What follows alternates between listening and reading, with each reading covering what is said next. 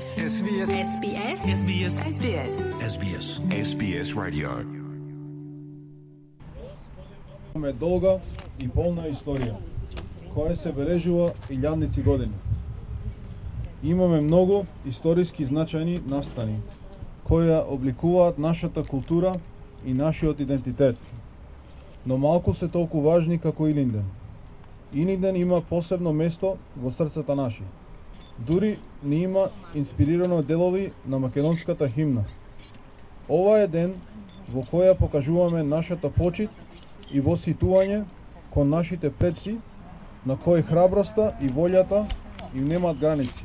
Нашиот народ преживеа и се одржа цврсто во верат и заедницата, повеќе од 500 години робство.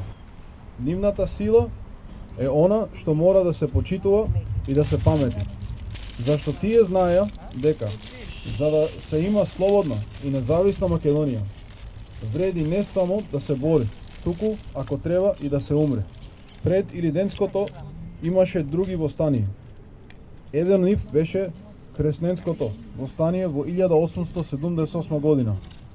Иако мало, тоа не ги обесрабри другите обиди, туку зајакна решителноста во народот.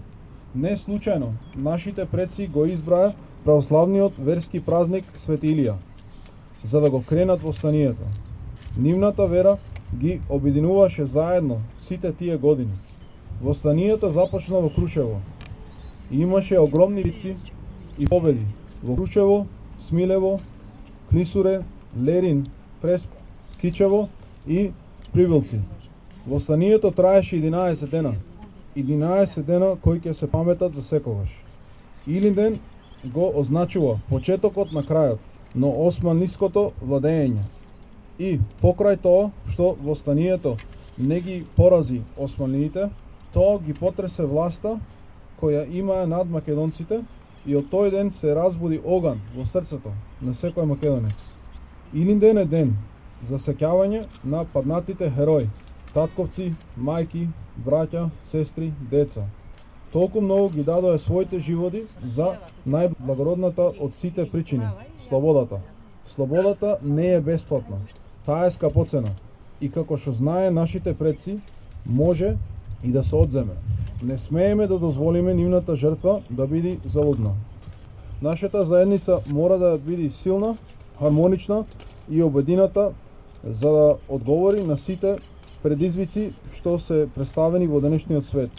Сите ние имаме лична одговорност да обезбедим нашите традиции и култура за да се пренесат на нашите деца и нивните деца и така натаму.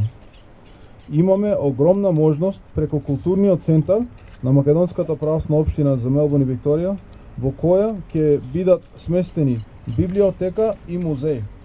И нашата историја никогаш нема да биде заборавена. Да се подсетиме на паднатите и да ги славиме нивните животи денес. Или ден во нашите срца, Македонија во нашите срца, сега и за секогаш. SBS. SBS. SBS. SBS. SBS. SBS. SBS Radio.